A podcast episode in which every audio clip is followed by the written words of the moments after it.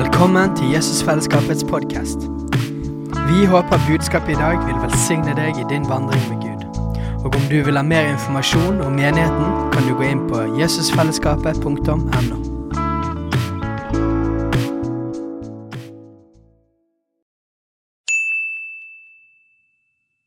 Hei!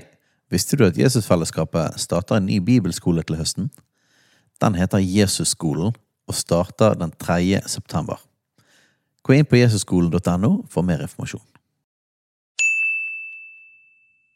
Nei, men Det, det fins ikke en bedre måte, altså en bedre overgang enn at du har eh, fått folk til å le, Fredrik. Du har fått liksom folk i gang. Da har du liksom lagt opp alt. Eh, lagt opp optimalt for meg. Eh, så derfor går det herfra bare nedover.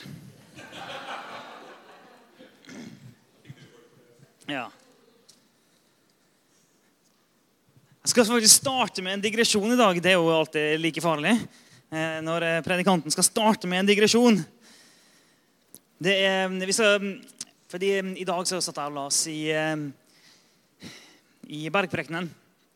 Og, og jeg ble, jeg ble litt sånn grepet av det med Gud som far.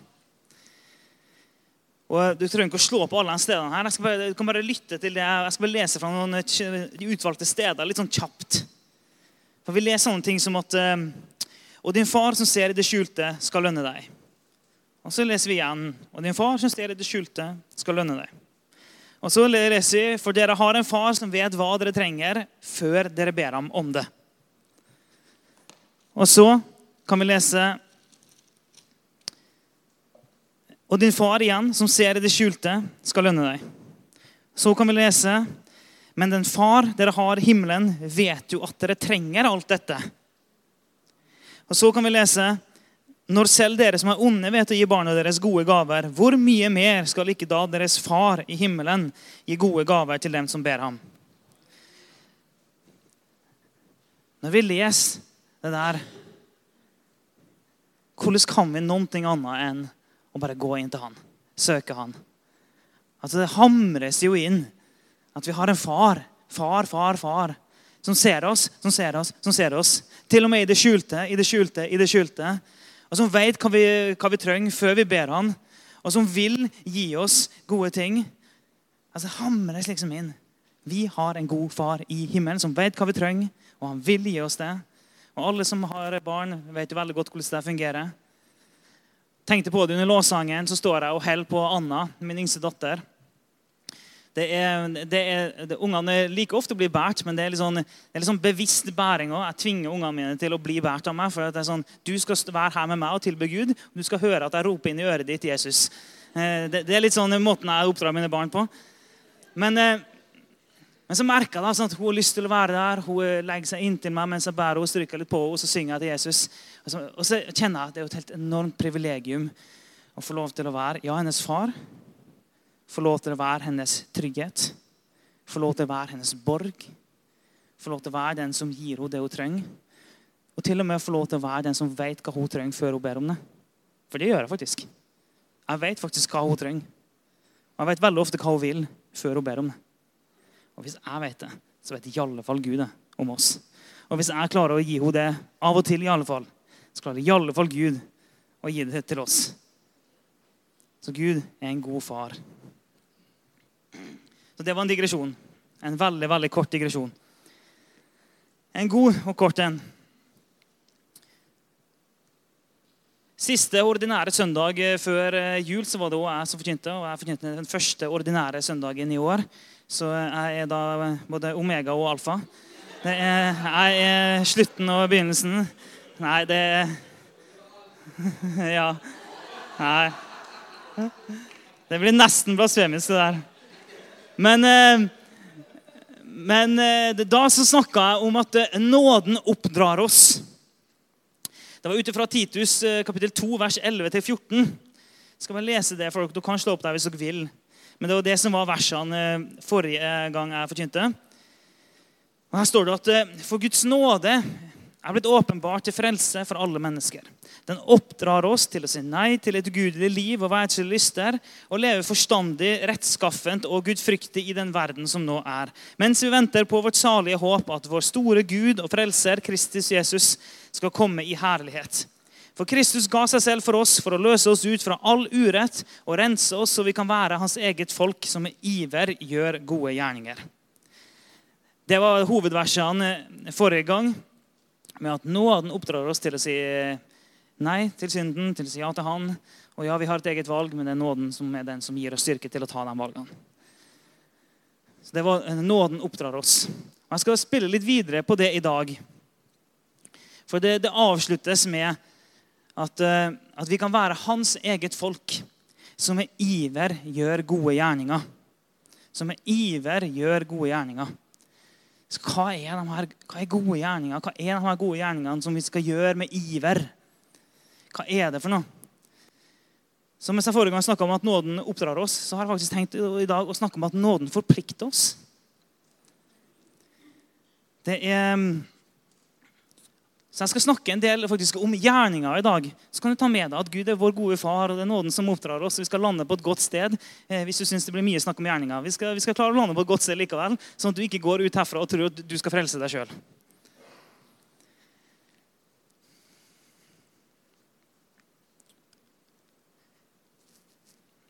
I denne versene her så står det jo om at sant, Guds nåde har vært åpenbart for alle. Og at det står i vers 14 for Kristus ga seg sjøl for oss. Ok, Kristus ga seg sjøl for oss. Og vi kan si det her på mange måter. Av og til sier vi at Jesus tok på plass. Vi og Jesus, vi bytta. Og Jesus gjorde jo ikke det for at vi bare skulle leve som før. Jesus gjorde jo ikke det sånn at vi bare, det ikke skulle ha noe konsekvens i livet vårt. Jesus gjorde ikke jo det og tenkte at det skulle være umulig å se i våre liv at han, at han har eh, tatt vår plass. Nei. Når Jesus har tatt vår plass, når Jesus har tatt det vi fortjente, og vi har fått det han fortjente, så skal det synes i livet vårt på en eller annen måte. Det skal det.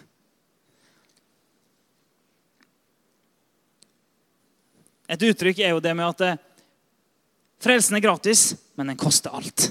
Har dere hørt den? Og det er for Den er gratis. Den er av nåde. Den er det. Samtidig så tar den hele livet. Og det er litt sånn, men Vi kan også si at nåden er jo selvfølgelig ufortjent. Mye om forrige gang. Nåden er ufortjent. Det gjør den. Samtidig så forplikter det på en måte. Det vi har fått, det står vi til ansvar for.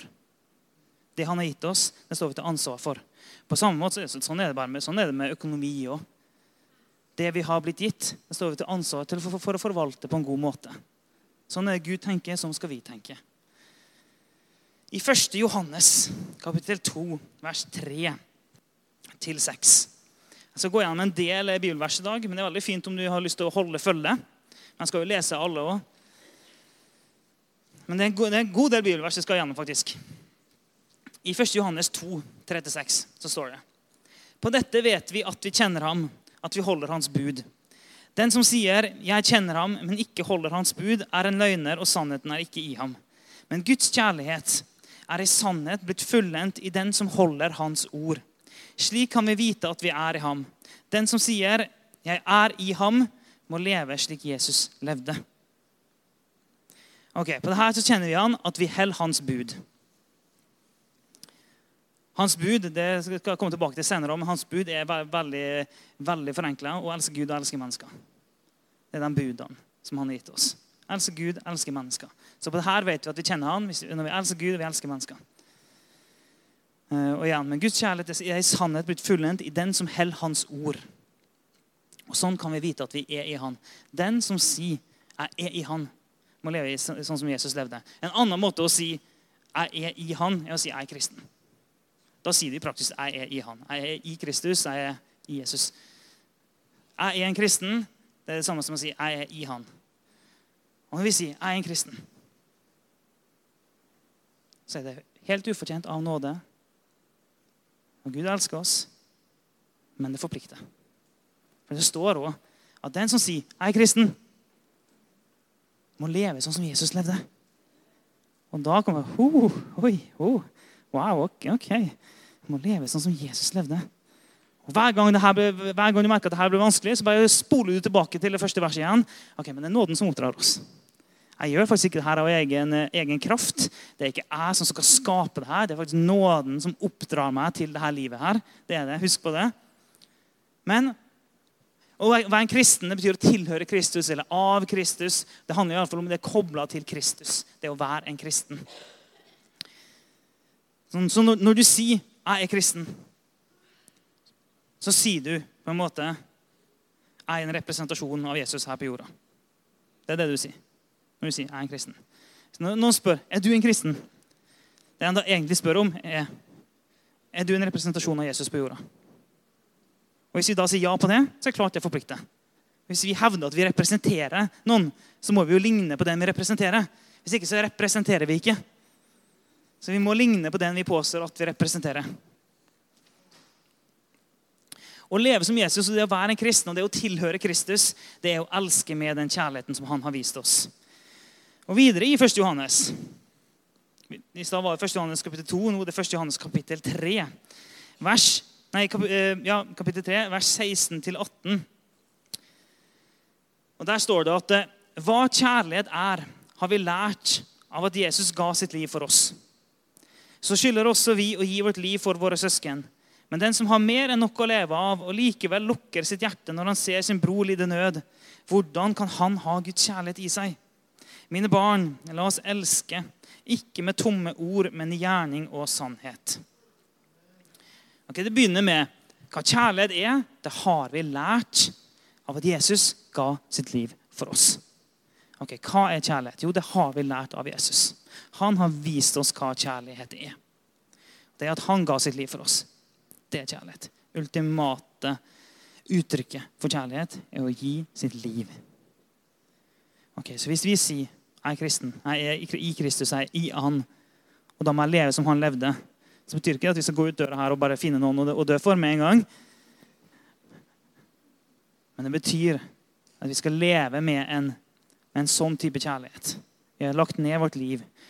Og ja, Det finnes masse nyanser, og sånne ting, det gjør det, og så Vi skal ikke leve sånn sjølutslettende og møte alle behov i hele verden, for det er faktisk Jesus som gjør, ikke vi. Men likevel det forplikter. Vi vet hva kjærlighet er.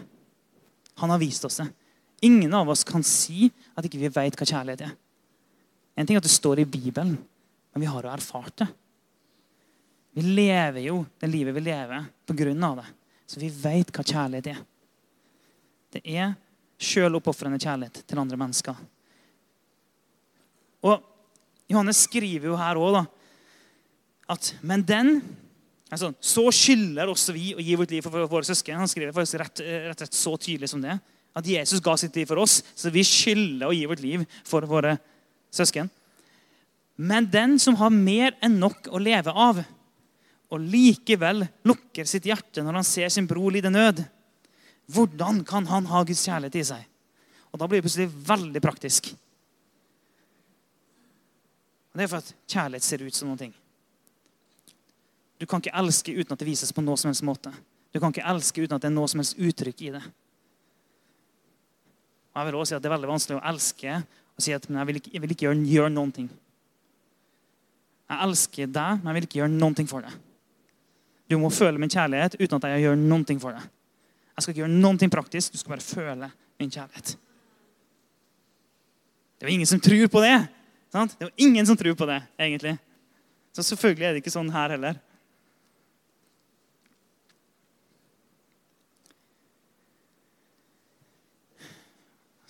Han spør sånn eh, Hvis vi ser vår, vår bror eller søster lide nød, men likevel så lukker vi vårt hjerte hvordan skal vi ha Guds kjærlighet til oss? Og Så avslutter han med Mine barn, la oss elske, ikke med tomme ord. Å ja. Se der, ja. Jeg vet ikke hvor Ellen er nå. Jeg trodde Ellen var oppe, men ja, da får det her bare være en eh, illustrasjon. Ja, Ellen hun kommer, det går bra. Da får det her være en illustrasjon av den gode far. Det er, det er greit. og her kommer, en, her kommer, en, personifisering av den gode mor.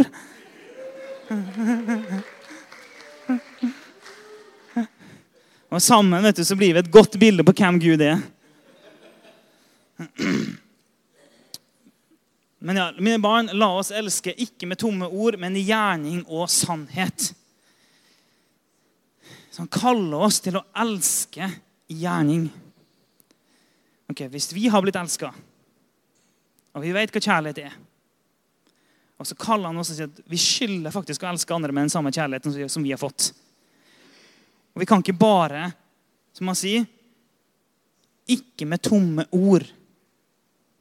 For ord uten gjerning er tomme ord. Ord uten at det blir fulgt opp, er tomme ord. Løfter som ikke blir gjennomført, det er tomme løfter. Alle forstår det. Eller, er det noen her som har opplevd noen gang et menneske som kommer med gjentagende løfter som aldri blir oppfylt? Er det noen som har vært borti det noen gang i livet sitt? Ja, hvordan er tilliten din til det mennesket? Det er sannsynligvis veldig, veldig lav. Sant? Og det er jo sånn Tomme løfter, tomme ord, det er ikke kjærlighet.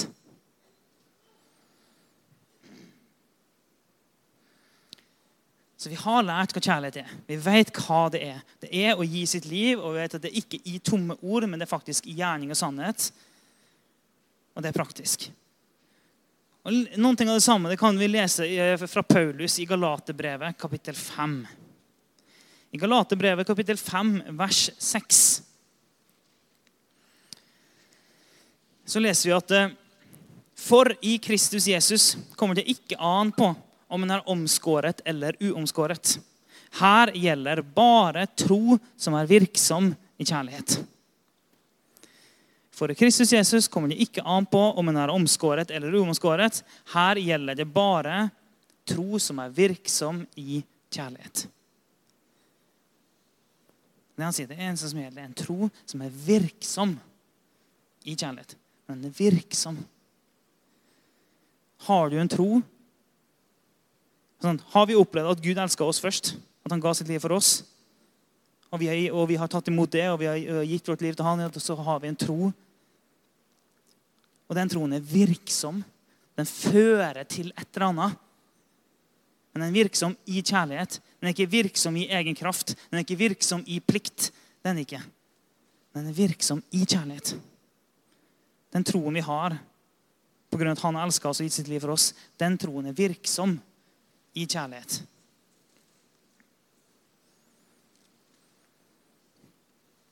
Og det med en tro da, som er virksom i kjærlighet, en tro og et liv som får et uttrykk fordi at vi legger ned vårt liv for andre mennesker, og vi elsker sånn som Jesus elsker oss.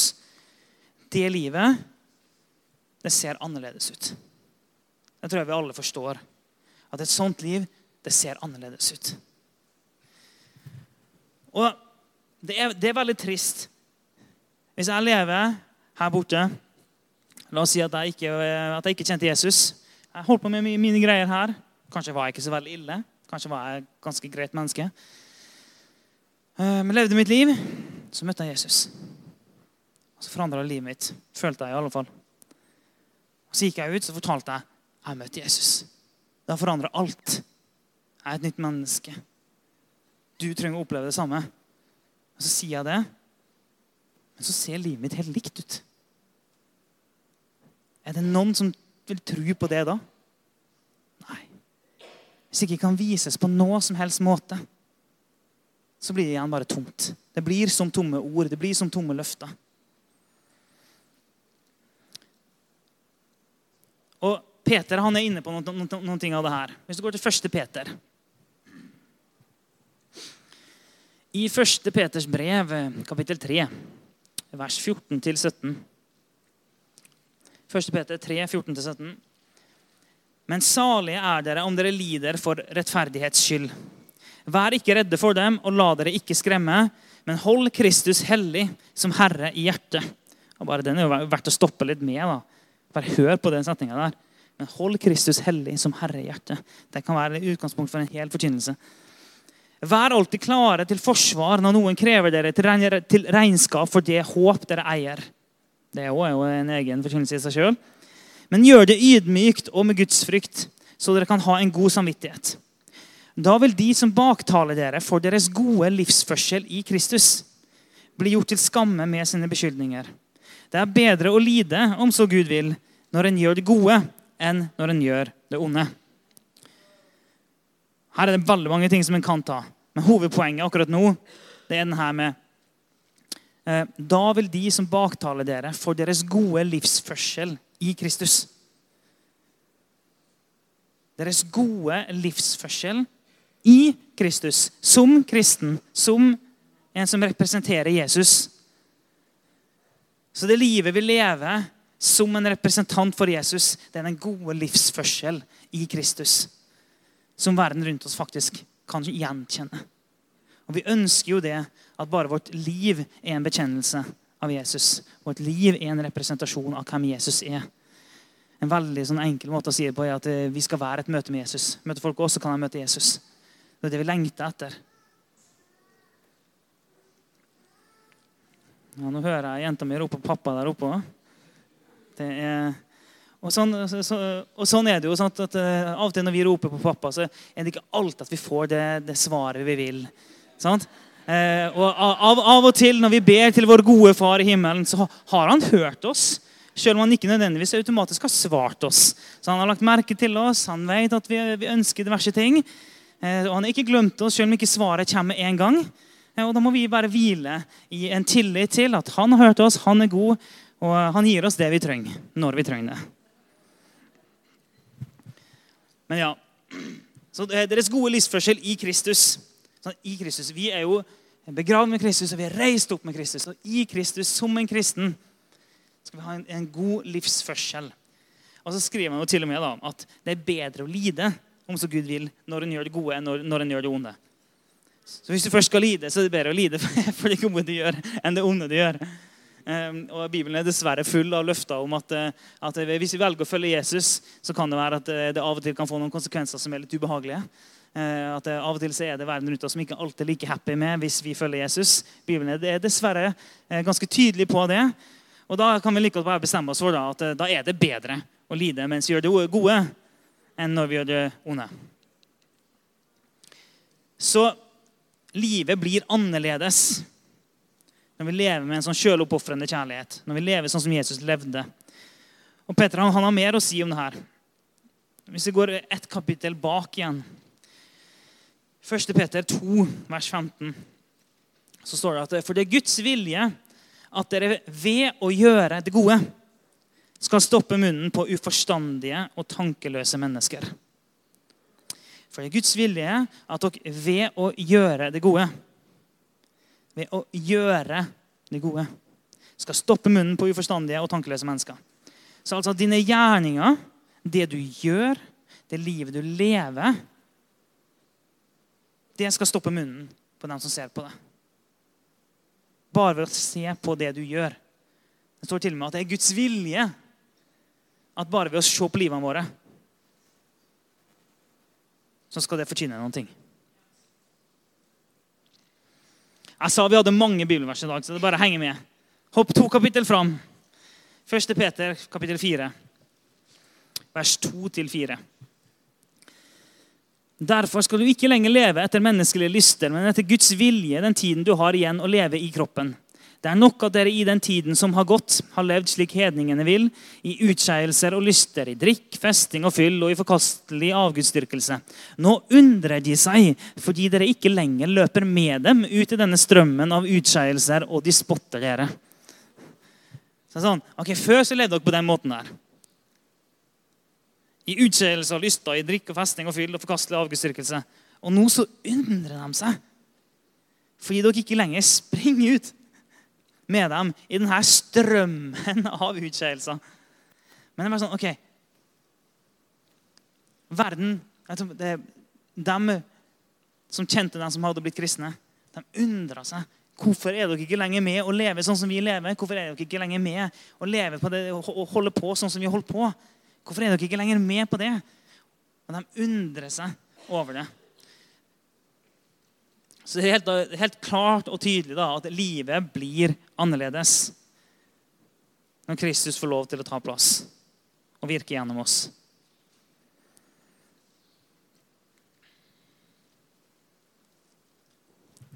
Du kan bla Jakob.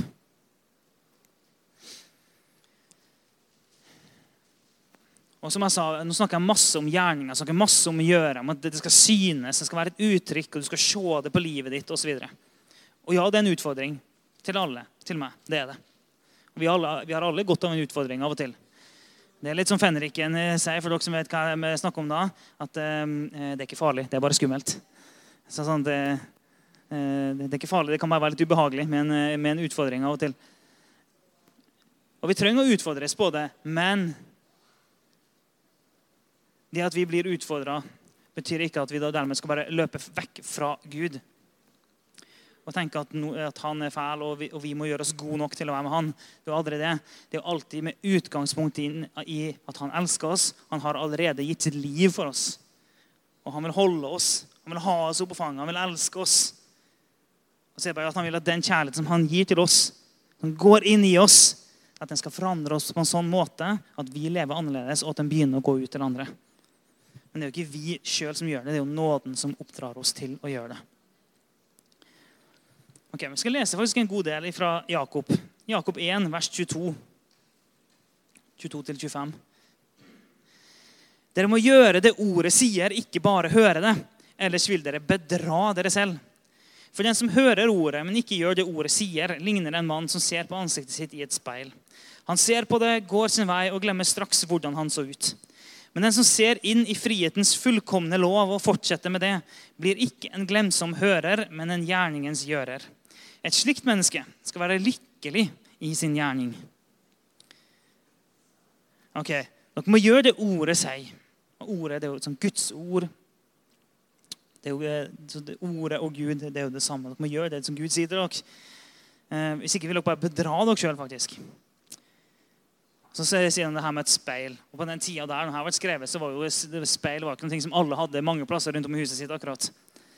Men det var nok ganske mange som ikke hadde et veldig klart blikk for hvordan de så ut. Eh, så jeg kan absolutt se for meg at det, på den tida der så var det noen som da så faktisk i et speil. Så ansiktet sitt sikkert litt dårlig. Og Så gikk de vekk, og så glemte de hvordan de så ut. De hadde ikke noe minne av det.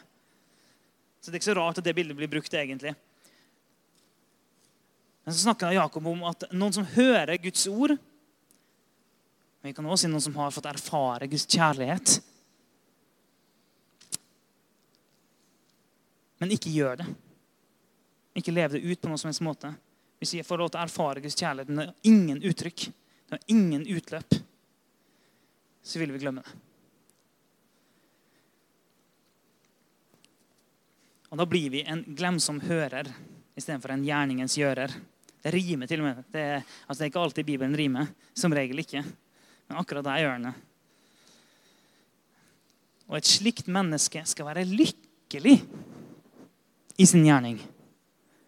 Et slikt menneske som er en gjerningens gjører, som lever et liv som viser at Kristus har fått lov til å ta plass.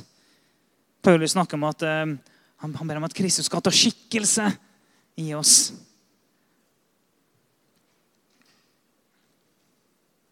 Videre i Jakob. Dette var Jakob 1. Vi går til Jakob 2. Jakob 2, vers 14-18. Hva hjelper det, søsken, om noen sier at han har tro når han ikke har gjerninger? Kan vel troen frelse ham? Sett at en bror eller søster ikke har klær og mangler mat for dagen, og en av dere sier til dem, gå i fred, hold dere varme og spis dere mette. Hva hjelper det dersom dere ikke gir dem det kroppen trenger? Slik er det også med troen. I seg selv, uten gjerninger, er den død. Kanskje vil noen si, 'Du har tro, jeg har gjerninger.' Vis meg din tro uten gjerninger, så vil jeg ut fra gjerningene vise deg min tro. Ok. Han spør Ok, Se for dere at en bror eller søster ikke har klær og mangler mat for dagen. Se for deg, Det kommer et menneske til deg. Si at du, når vi går ut her etterpå, så møter du plutselig en person som eh, går rundt i bare underbuksa og er veldig veldig kald og veldig veldig sulten. Eh, og så spør jeg som, å, jeg er så kald og jeg er så sulten. Har du noe varmt å spise og har du noen varme klær? Og så sier du til personen å, Gud velsigne deg. Og han elsker deg så høyt. Liksom, Vær varm i Jesu navn. Altså, Jesus kan gjøre folk varme, det er ikke det. Men jeg, sånn, jeg skal be om at du skal få noen klær. Jeg skal be om at du skal få noe mat. Det betyr ikke at vi kan hjelpe alle mennesker i hele verden som har behov. det betyr ikke. Men alle skjønner at det, de ordene hjelper ikke den personen. Den personen som står her utenfor og hutrer og er sulten og kald. Altså, 'Jeg skal be for deg. Gud velsigne deg.' Det er en fin representasjon av Jesus. Jeg håper ikke noen trodde på det.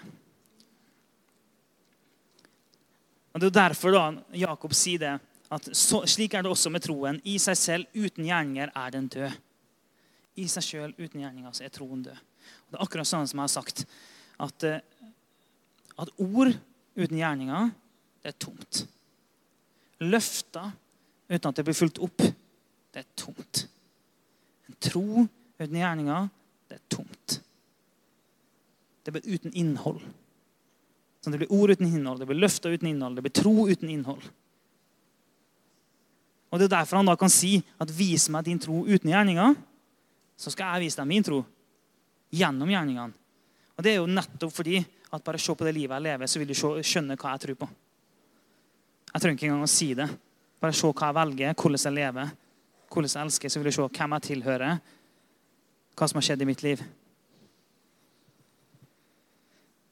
For tro og kjærlighet kommer alltid til uttrykk i handling. Og Noen vers videre da, i kapittel 2 der, Jakob 2, 26, så står det at for som kroppen er død uten ånd, er troen død uten gjerning. Og det er akkurat det samme. Kroppen uten ånden, uten livet, det er bare et skall. Det er bare tomt. Det er bare dødt. Det er egentlig bare et lik.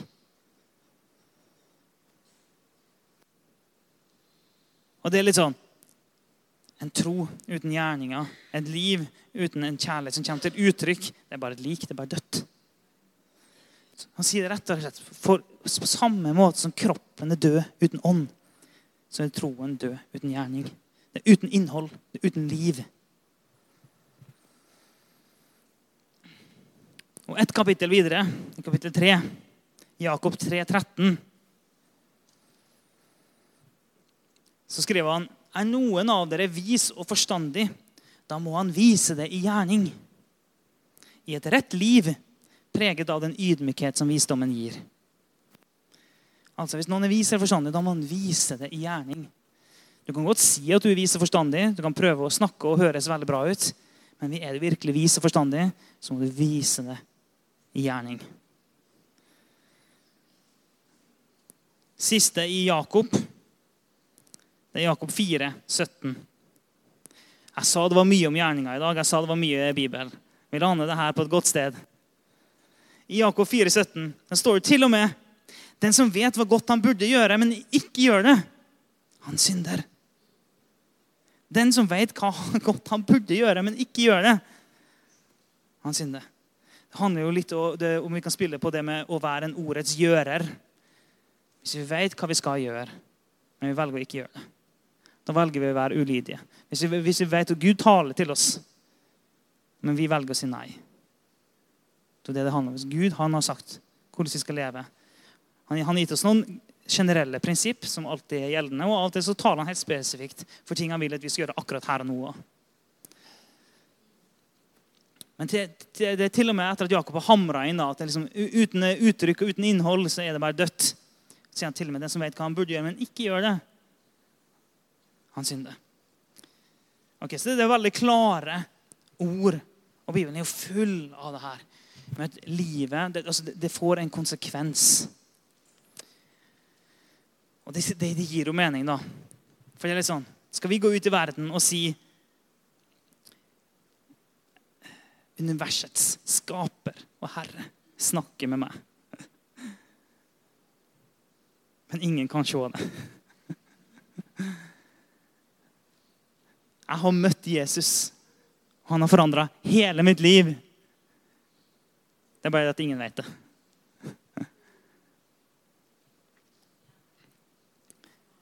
Jeg har opplevd den største kjærlighet som går an å oppleve. Men har ikke kjærlighet til andre. Altså, Vi alle hører at det, det henger jo ikke på greip. Det funker jo ikke.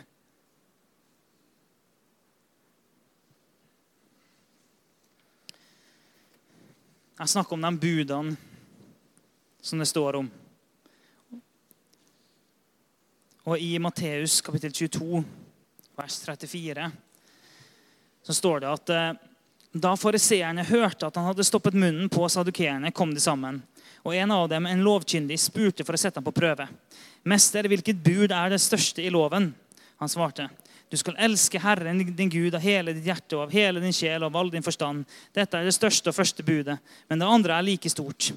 Eh, du skal elske din neste som deg selv. På disse to budene hviler, hviler hele loven og profetene. Å elske Gud og elske mennesker. Det er ikke mer komplisert enn det. Elske Gud og elske mennesker. Men igjen, vi gjør det aldri ut ifra egen kraft. På samme måte som det er nåden som oppdrar oss. Så skal jeg ta innom det siste bibelverset vi skal gå innom i dag, som er 1. Johannes 4, 19. 1. Johannes 4.19 er veldig veldig kort og enkelt.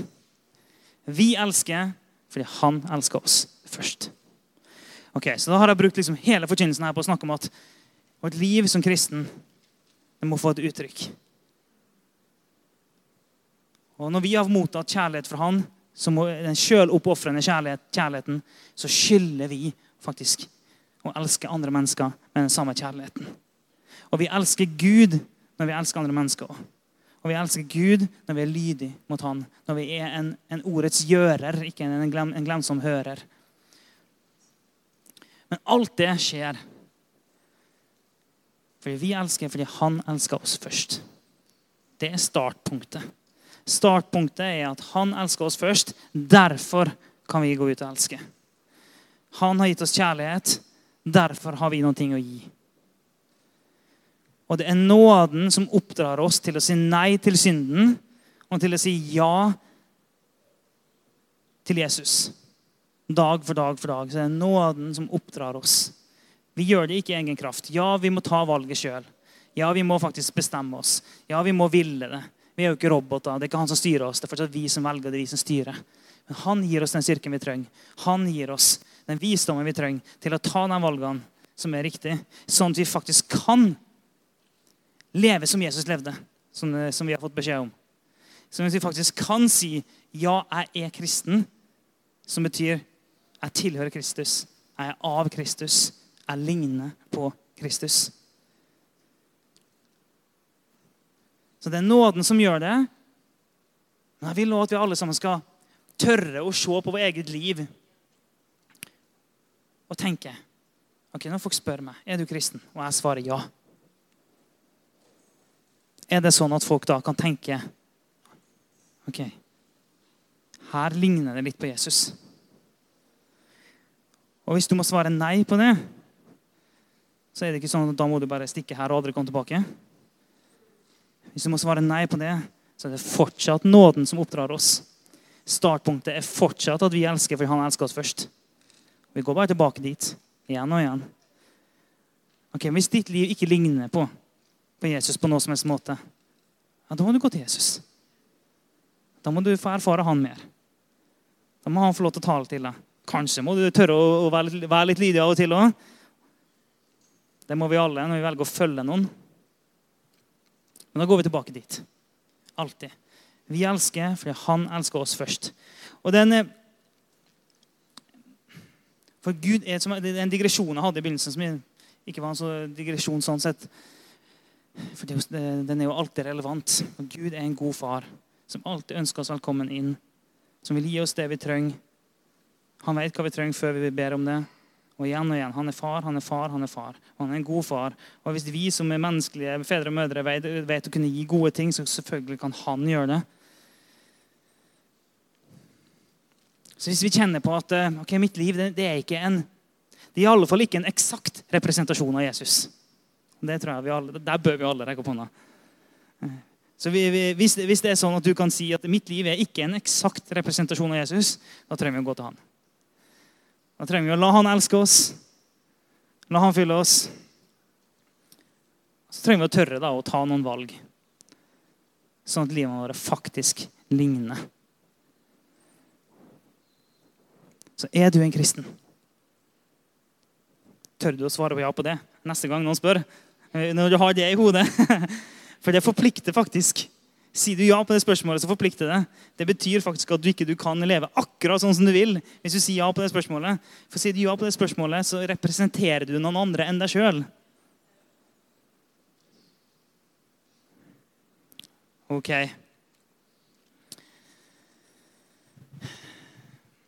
La oss be. Ja, Jesus, først vil jeg bare takke deg for din kjærlighet. Takke deg for din nåde. At du oppdrar oss med din nåde. At du elsker oss. At du ga ditt liv for oss. Takke deg for det. Takke deg for det. Og du var gode, gode, gode far. Pappa Gud. Du elska oss først. Jeg ber at vi alle sammen skal få erfare det enda tydeligere enda sterkere i dag. At du elsker oss først, og at vi kan gå ut og elske andre. Du elsker oss først, og vi kan også elske oss sjøl. Du elsker oss først, og det er alltid utgangspunktet. Så jeg ber om en åpenbaring for oss alle sammen om din enorme kjærlighet. Din sjøloppofrende kjærlighet. Så ber jeg om at du skal tale til oss om eh, valg vi skal ta, retning i livet, både store ting, små ting i hverdagslivet. Gi oss mot til å ta riktige valg, sånn at våre liv representerer deg. Ja, Det ber vi om. Så tal til oss, Gud, og la det bli tydelig at vi faktisk er kristne. Amen. Og Bibelen jeg må si det, eh, Bibelen snakker jo om det med at Jesus er en eksakt representasjon av Faderen snakker Bibelen om. Så ser vi på Jesus, så ser vi hvem Gud er. Ser vi på Jesus, så kan vi bli kjent med Gud. Jesus viser oss Gud. Og det skal akkurat det samme prinsippet. Skal helst kunne gå ned til oss òg. Når folk ser på oss, så vil de se Jesus. Så vil ikke vi i denne verden klare å være en eksakt representasjon. Men vi kan være en representasjon. Det kan vi være. Amen. Hei, alle sammen. Det er Katrine og Steinar Lofnes her. Vi er hovedledere for Jesusfellesskapet. Så kjekt du har lyttet til denne podkasten. Har du forresten hørt noen av de andre podkastene våre? Ukens tale, Disippelskolen, Hyrdepodden, Kulturkrigen og Mammas hjerte. Du finner disse podkastene på Spotify, Apple Podkaster og på nettsiden vår jesusfellesskapet.no.